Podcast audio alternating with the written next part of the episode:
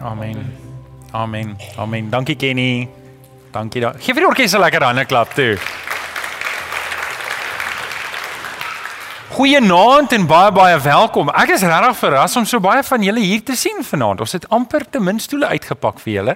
So baie welkom. Ek is bly julle is almal hier. So ek wil net kyk wie nie 'n raamwerk nie. As jy nie 'n raamwerk het nie, hierdie is vanaand veral belangrik. So, ehm um, ek dink daar is raamwerk as jy net jou hand in 'n oomblik in die lug hou, dan uh, gaan jy 'n raamwerk vir jou voorsien word en ehm um, dan kan jy as jy wil kan jy solank jou Bybel oopmaak by Handelinge 16. Handelinge 16 ons gaan 'n paar verse daar saam lees. Vir nie wat julle wat nou een hand in die lug het, is dit nou moeilik om te blaai. Um ek ek ek sien dit aan hier's 'n hele hier's 'n hele groep hier aan die een kant wat gemis is. Lyk my meeste was gemis nê. Nee. Lyk my so. Dis julle dit sal nie weer gebeur hierdie jaar nie, okay? Sal seker maak dat dit nie weer gebeur hierdie jaar nie. Uh Handelinge 16, Handelinge 16, ons gaan 'n paar verse lees vanaf vers 16. Welkom by die laaste diens van 2019. En nou moet ek my kop hou want ek moet nou 2019 praat en 2020 praat en ek kry myself in my preek toe ek voorberei dat ek sommer partykeer sommer sê 1920. So as ek dit verkeerd het, probeer hulle sê uh, wat 'n goeie begrip het 'n halwe woord nodig. So ek hoop julle het vanaand goeie begrip want ek het 'n klomp halwe woorde.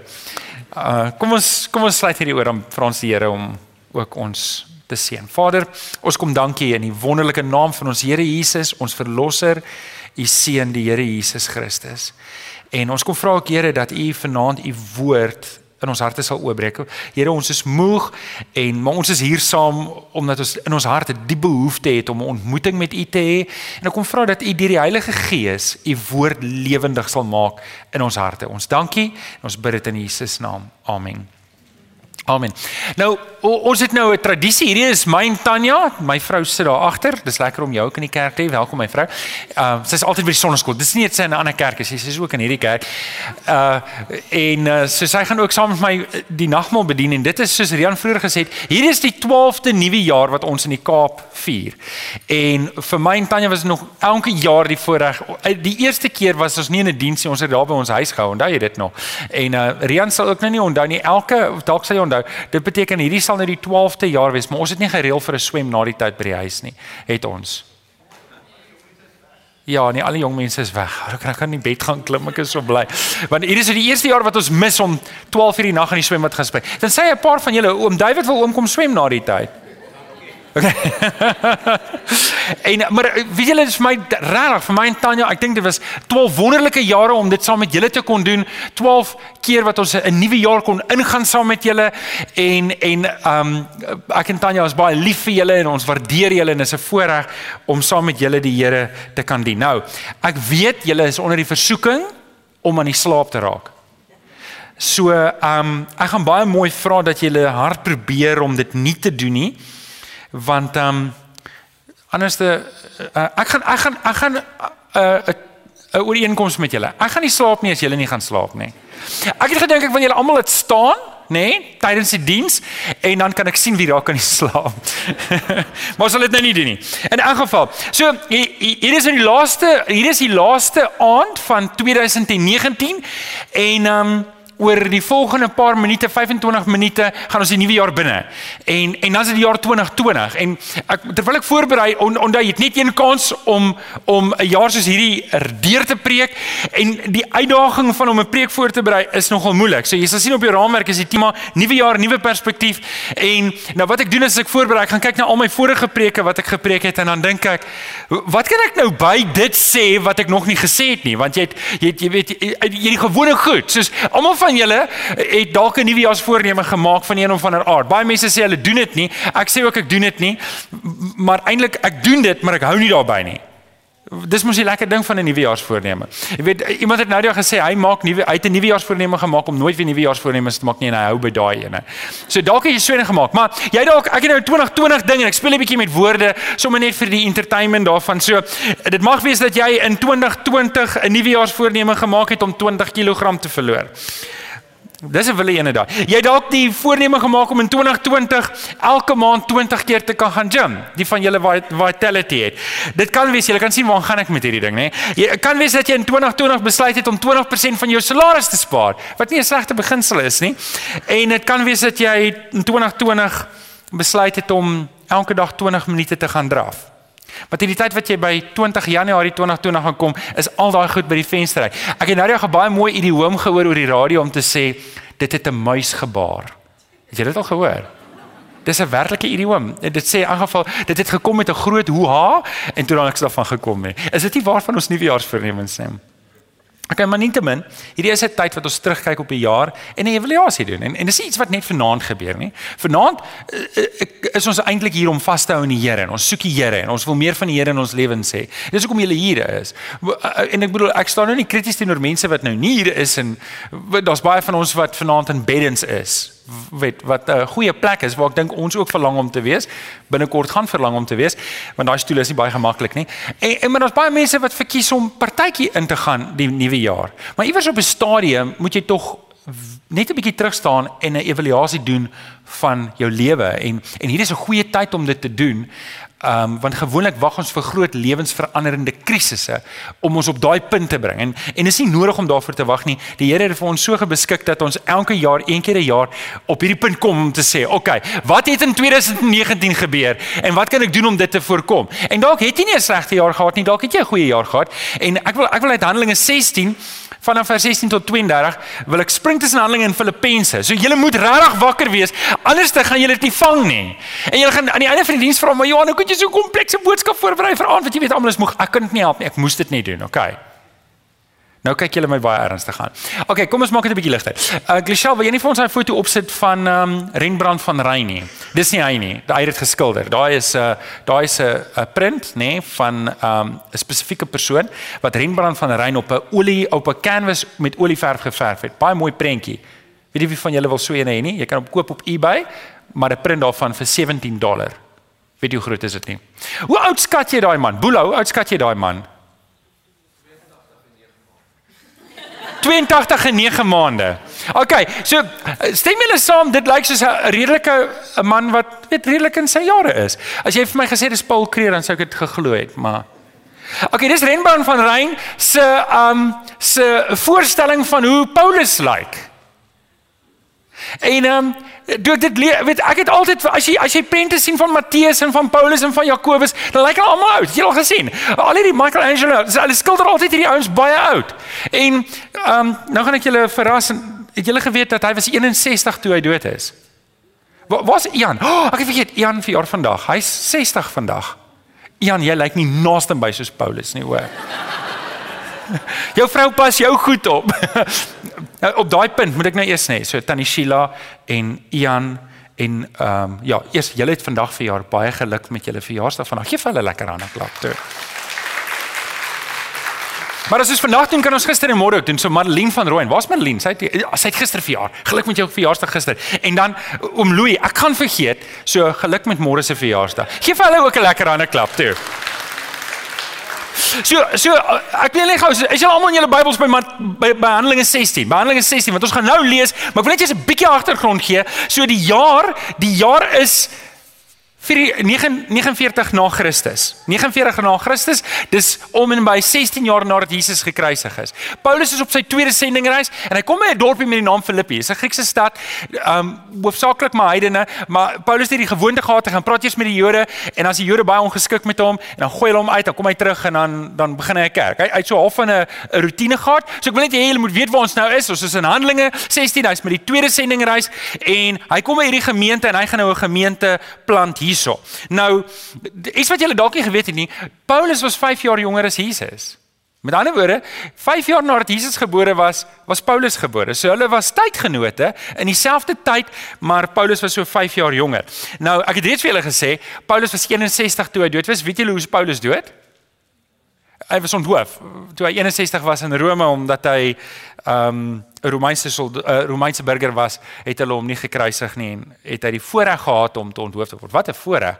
As julle nie bly julle het nie daai voorreg nie, nê. Ehm um, Paulus was omtrent 30 jaar oud toe hy die Here Jesus leer ken het op die pad van Damaskus. Besef julle Paulus was jonger as 30 toe hy klomp kinders van die Here laat opsluit het en vermoor het. Jy weet ons dink altyd Paulus is hierdie ou man. Maar kyk, wie's nog nie 30 nie? Sê gou op die hande. Corneille, hoe oud is hy?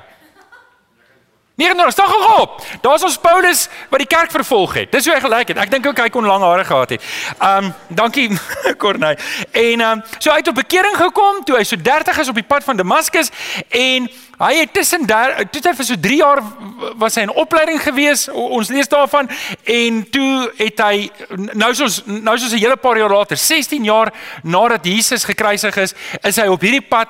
Hy's op Filippi en hy's besig om hier sy tweede sendingreis te doen. So jy almal naby. Ek wil net 'n bietjie konteks gee want want julle gaan dit nodig hê as ons nou verder gaan want ek wil spring na die brief van Filippense want hierdie twee sluit by mekaar in. So net vir julle sê dat As Paulus 61 is toe hy oorlede is en hy's 30 toe hy tot bekering gekom het, beteken dit maar 31 jaar tyd gehad om sy werk vir die Here te doen. En kan julle dink dat naas Jesus is Paulus die een wat die grootste invloed gehad het op die geskiedenis van die mensdom? So weet, uh, hier's Paulus, hy's besig om een oomblik soos Kornelius houder om daar 29, is hy besig om mense te laat vervolg en dood te maak en die volgende oomblik kom hy tot bekering en die Here gryp hom en hy's besig om hierdie geweldige ding te doen en hy 30 jaar kans om 'n impak te maak op die lewe. Hierdie wêreld wat ons vandag het. En ons kyk vandag terug en sien, weet daar is nie iemand wat 'n groter impak gehad het na Jesus op hierdie wêreld nie. En dis hierdie Paulus wat ons nou van gaan lees. En nou wil ek julle na die teks toe vat. Ons lees in Handelinge 16 vanaf vers 16 En dis Lukas wat skryf, so jy gaan hoor hy praat baie van ons en ons weet en as hy sê ons dan weet jy Lukas was besig om saam met hulle daar die pad te stap. So terwyl ons eendag na 'n bidplek toe was, nou hulle is nie hulle is in dorpie Filippi nou, net dat julle weer onthou dis vir ons praat. En was daar 'n slavin, hulle het 'n slavin teëgekom en wie daar 'n waarseersgees was en en, en deur die waarseer het sy haar eienaars baie geld verdien. Vers 17 en sy het agter Paulus aangeloop en hoor wat doen sy? Sy het aanhoudend geskreeu. Nou Ek weet nie hoe dink geskreeu in jou kop nie, maar dit is soos sy loop en skree agter Paulus aan. Nou uh, hoor wat skree sy? Hoor wat sê sy? Sy het geskree: "Hierdie mense is dienaars van God die Allerhoogste. Hulle vertel vir julle hoe julle gered moet word." Wel, weet 'n koerant nodig as jy so 'n vrou het wat saam met jou loop die hele tyd. Imagine dit. Jy loop daar, jy stap, jy stap daar in die dorp en hier's 'n vrou wat rondloop vir die mense skree: "Hierdie ou kan vir jou vertel hoe om gered te word." Maar ek ek dink nie dis so sleg nie. Ek weet, dis jammer dat dit nou so moes afspeel, maar dis ek dink nie so sleg nie. Maar okay. Vers 18. Sy het baie daan mekaar gedoen. So ek reken dit raak seker oud langs die pad, nê? En totdat Paulus dit langer nie meer kon hou nie en hy het omgedraai en vir die Gees gesê: "Ek beveel jou in die naam van Jesus Christus gaan uit haar uit." Nou, toe ek dit lees, dink ek by myself, ek het dit al 'n paar keer raak gelees, maar ek was so verstom om te sê, "Hoekom het hy so lank gewag?" En toe dink ek maar weet hierdie vrou het eintlik so groot guns gedoen. Maar eh, dit jy sê julle hoor hier was regte egte mense en wat Lukas probeer doen. Lukas probeer nie my en jou beïndruk met wat gebeur het nie. Lukas skryf net neer wat gebeur het. So hy skryf dit neer soos wat gebeur het, net dat jy 'n konteks het daarvan. So hy hy sê toe vir die gees moet uitgaan. Die gees het onmiddellik uitgegaan vers 19. Toe eienaar sien dat sy nie meer geld vir hulle kan inbring nie, het hulle Paulus en Silas gegryp en het hulle na die owerheid in die stadsplek gesleep.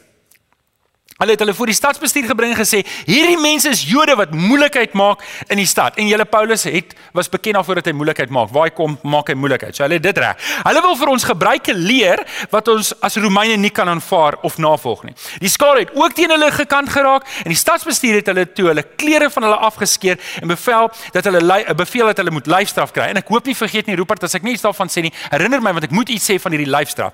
Um nou nou net vir julle sê dat onthou in daai tyd was hulle verskriklik skief vir optogte. Hulle was bang vir optogte want as daar optogte is en mense kom in beroering, hulle het nie soos ons wat hulle SWAT teams het wat uitkom en die mense en weet eh, eh, hulle het maar net weet dis maar net soldate. Hulle moet die mense maar doodmaak. Dit was hulle opsie. So hier laat hulle die mense opsluit. Hulle laat hulle toe slaan ehm um, die skare toe teen hulle kant. Net kyk, waar is ons nou? Vers 24. Op hierdie bevel het hulle in die binneste sel laat opsluit en hulle voete in die houtblok in 'n houtblok vasgeklim. So hier is Paulus, hulle is nou ge, met 'n sweep geslaan. Hulle is nou hier in die tronk in die diepste kant van die tronk amper soos maksimum sekuriteit en om seker te maak hierdie mense gaan nêrens heen nie is hulle in houtblokke vasgeketting. Redelik sleg, nê? Nee. So wat kan ek met hierdie boodskap vir julle sê op die laaste aand van 2019? Want dis die volgende vers wat my gesê het ek moet 'n boodskap hieroor doen. Dis reg vir die volgende vers. Teen middernag, tada! Was Paulus en Silas besig om raai wat te doen? Te bid en lof aan God te sing. Die ander gevangenes het toe na hulle geluister. OK, toe is daar hierdie aardbewing en die plek skud los en en en al die kettinge val van Paulus en van Silas af en hulle is vry en en en die die wag wat doen wat wagte doen wanneer hulle mense oppas in die middel van die nag. Raai wat hulle gedoen? Hulle het ge slaap wat wat binnekort 'n paar van ons ook gaan doen, die weet dit nog nie doen nie. En en en toe toe, en, toe hy wakker word te besef hy is in moeilikheid want sy sy gevangenes is weg en hy wil toe net sy swaard val en ons lees dat pa, die man Paulus skreeu, daar's die woord skreeu weer. Hy skreeu vir hom: "Nee, moenie jouself doodmaak nie, ons is nog almal hier." En die man is verstom want hy sal nie verstaan hoekom sy en en en die man vra toe vir Paulus, "Maar wat moet ek doen om gered te word?" En Paulus praat toe en deel toe met hom. Hy vat hom na sy familie toe en almal kom toe tot bekering. Wat 'n cool storie. Wat 'n cool storie. Okay. Nou ek wil met julle deel op julle raamwerk. Want ek gaan nou nie verder uit Handelinge uitlees nie. Ek gaan nou uit Filippense uitlees. En die rede hoekom ek uit Filippense uit gaan lees, ek dankie, jy kan my weer herinner. Rupert, ek kom by hom, maar herinner my weer as jy dink ek het vergeet. Ek wil nou by Filippense uitkom want sien 10 jaar, 10 jaar nadat hierdie storie afgespeel het. So Rupert, kom ek doen dit nou. So ek het 'n oomie wat my elke nou en dan bel uit Johannesburg uit. Hy was 'n gemeentelid in Bloemfontein om Kobus Lambregt. En ek kan onthou, ons het oom Kobus se vrou begrawe in Bloemfontein en en dit was dit was 'n verskriklike hartseer dag gewees daartoe ons hom die tannie begrawe het. Maar die oom bel my een keer 'n week en dan praat hy net met my. Net net om hallo te sê. En Ek vra toe uit vir hom, wat het hy gedoen vir 'n lewe? En hy sê nee, hy het in die gevangenis gewerk. In die gevangenis en in hulle dae het hulle lyfstraf gedoen. Het geweet hulle het lyfstraf gedoen. En omdat hy so hoog in bevel was, moes hy en 'n dokter toestaan terwyl die ou geslaan word met die sweep oor sy rug. En dit was baie keer 6 houe, baie keer 7 houe. En ek gesê, maar dis interessant, slat 'n ou oor die rug met 'n sweep. Sê nee nee nee nee. Daai hale wat hy kry, dit word dit gaan nooit weg nie. Met ander woorde, dit kloof jou vel oop. Nou, dit laat ons terugdink aan wat met Jesus gebeur het. Nou of hierdie dieselfde sweepslaaf was, ek's nie verras wees as dit is nie, want die Romeinse soldate weet hulle hulle was nou nie bekend daarvoor dat hulle nou makke was nie as jy verstaan wat ek probeer sê. So, ek wil julle gou net weer terugvat. Kom ons voordat ons uit die 10 jaar spring, kom ons gaan net vinnig vir 'n oomblik. Hier's Paulus in die tronk. Hy het 39 houe, hy en Silas, 39 houe oor sy rug gekry. Hulle is in die tronk vasgekom ketting en hier sing hulle lofliedere en hulle bid tot eer van die Here. Is dit nie wow nie? Is dit nie perspektief nie? Is dit nie mind over matter nie? Want sien die ding is as jy weet hoekom jy is waar jy is, jy weet hoekom jy doen wat jy doen, jy weet omdat die Here jou geroep het vir iets groter, dan nou 39 hou jy jou nie terug nie. En dis wat ek nou vir julle wil wys. 10 jaar later is Paulus in die tronk in Rome en hy skryf hierdie brief aan die gemeente in Filippi. En dan wil ek julle vra, blaai gou-gou, blaai gou-gou net na na Filippense toe. Filippense 1. Filippense 1.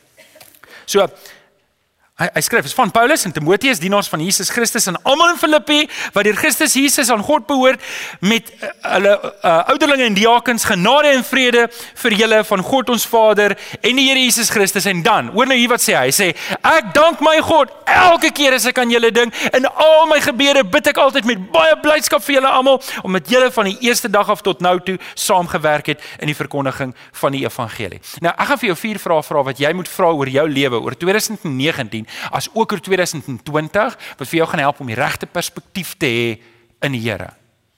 Nou, hierdie is nie 'n selfhelp boodskap of iets soos dit nie. Hierdie is half en half. Maak jouself vas aan die Here Jesus, want dis die enigste manier hoe ons deur hierdie jaar gaan kom. Dis die enigste manier hoe ons deur 2020 gaan kom. Dis die enigste manier hoe Paulus 39 houe op sy rug kon vat en nog steeds staan vir die Here. OK. Eerste vraag wat ons moet vra is: Wat onthou jy? Wat onthou jy van 2019? Wat onthou jy? Skryf op. Wat onthou jy? Paulus, kom, kom ek sê vir julle wat het Paulus onthou. Filippense 1:3 tot 4, nou net gelees. Ek dank my God elke keer as ek aan julle dink. In al my gebede bid ek altyd met blydskap vir julle almal. Nou, julle 10 jaar terug kan ek nog onthou. Ek kan 10 jaar terug nog onthou. Ek hoorie, as iemand my 39 keer met 'n sweep geslaan het 10 jaar terug, want ek was al toe in die Kaap, ek sou dit geweet het. Ek sou dit onthou het. En Jy kan deur Filippense lees. Hy verwys glad nie daarna nie. Hy verwys glad nie na die tronkstraf wat hy gehad het nie. Hy verwys glad nie na die negatiewe goed wat daar gebeur het nie. Al wat hy skryf is oor al die goeie goed wat die Here besig was om daar te doen. Hoor julle, hier's hier's iets onder die wat ek vir jou maar jy moet wakker wees om dit te hoor. Ek wil net seker maak jy hoor dit. So, hy's opgewonde oor wat die Here doen. Hy's opgewonde. In in Engels noem dit eh, in Engels noem ons dit manage your memory. Nou hier's 'n belangrike ding wat ek en jy by Paulus moet leer. Is want sien, ek en jy kan kies en ek sien baie kinders van die Here doen dit. Hulle kies om die negatiewe goed doelbewus te onthou. En hoe onthou jy dit? Deur om dit lewendig te hou, deur om die hele tyd daaroor te praat, deur die hele tyd daaroor te top. En en dis hoekom die eerste ding wat ek jou wil vra is, wat kies jy om te onthou? Wat kies? Wat gaan jy kies om van 2019 te onthou? Gaan jy kies om te onthou die dinge wat die Here vir jou gedoen het, die kere wat die Here vir jou deurgekom het, die kere wat die Here vir jou gehelp het, of gaan jy kies om die die die die die sweepslate onthou, die keer toe jy toegesluit is, die keer toe jy onregverdig behandel is. Wat is dit wat jy kies om te onthou? Want sien die ding is dit. Dit wat ek kies om te onthou gaan altyd vlak bly in my gedagtes. Hierdie praat nie van onderdrukking nie. Hierdie praat net van wanneer ek iets bly koester, dan sit altyd vlak in my geheue. Maar wanneer ek kies om iets nie te koester nie, oor tyd vergeet ek dit.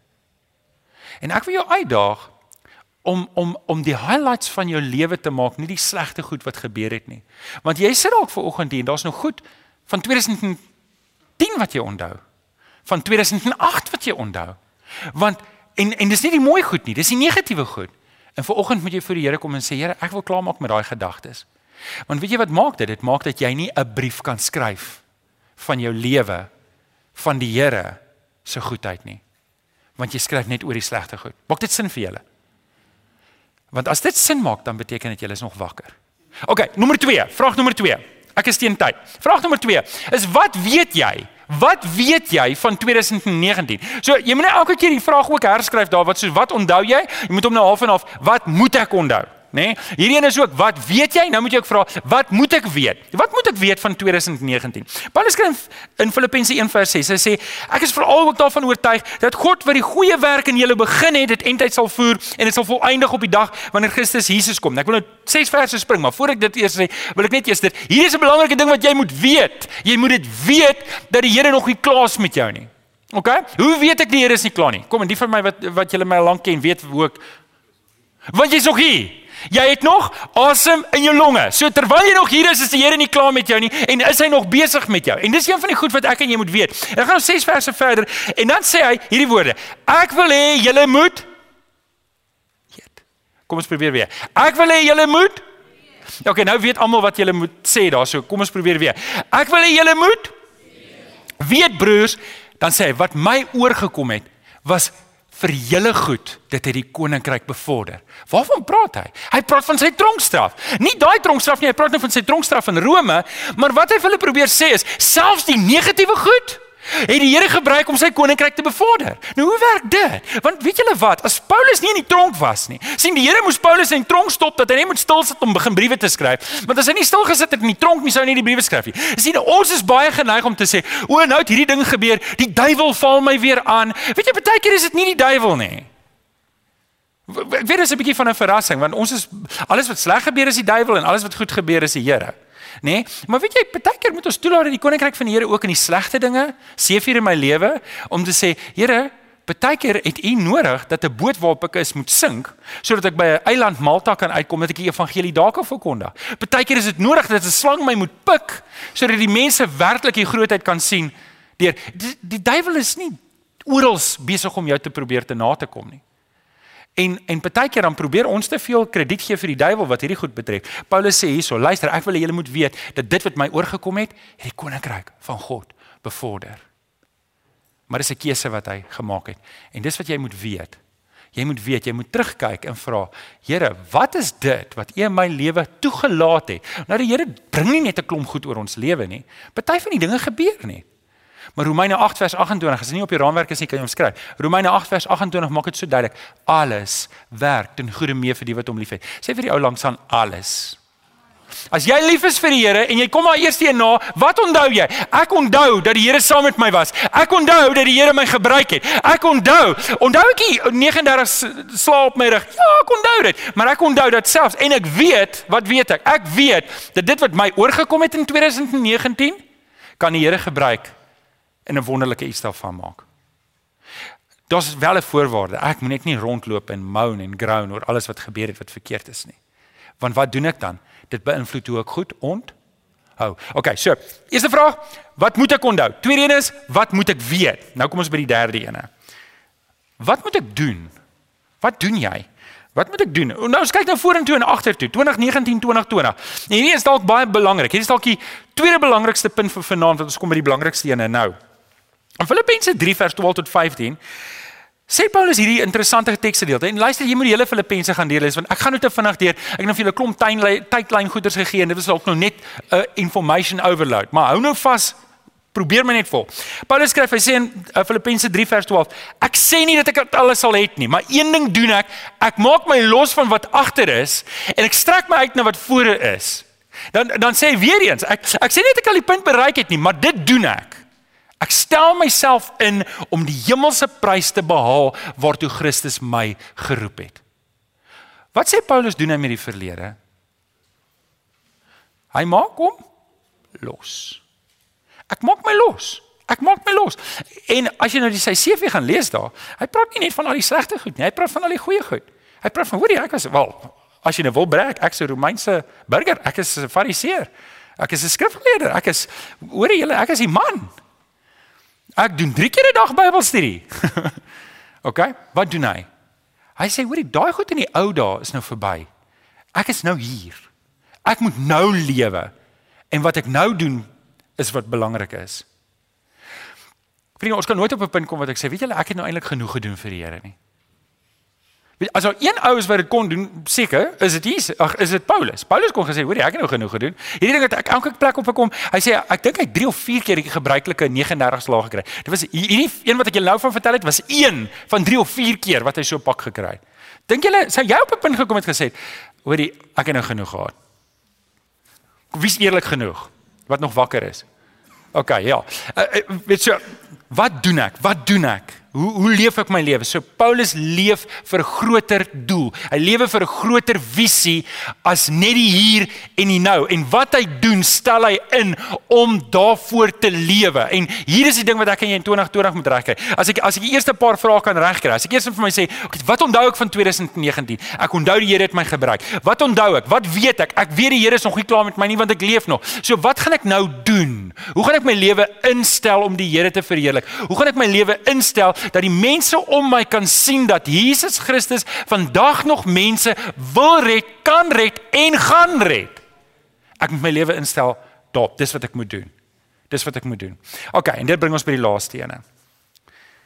En dis die belangrikste een van almal. So, wat onthou ek? Wat weet ek? Wat doen ek? En dan die laaste een is wie ken ek? Wie ken ek? Filippense 3 vers 8 18 3 vers 8 sê ek beskou alles waardeloos. Dis 'n maar sterk woord om te sê. Ek beskou alles waardeloos want om Christus Jesus my Here te ken oortref alles in waarde. Om Jesus Christus te ken is al wat saak maak. In 2020 is dit die belangrikste en die enigste ding. Dit is nie 'n groot ding nie. Dis die enigste ding. Is om Jesus Christus vas te maak in my lewe en te sê, Here, ek lewe vir U.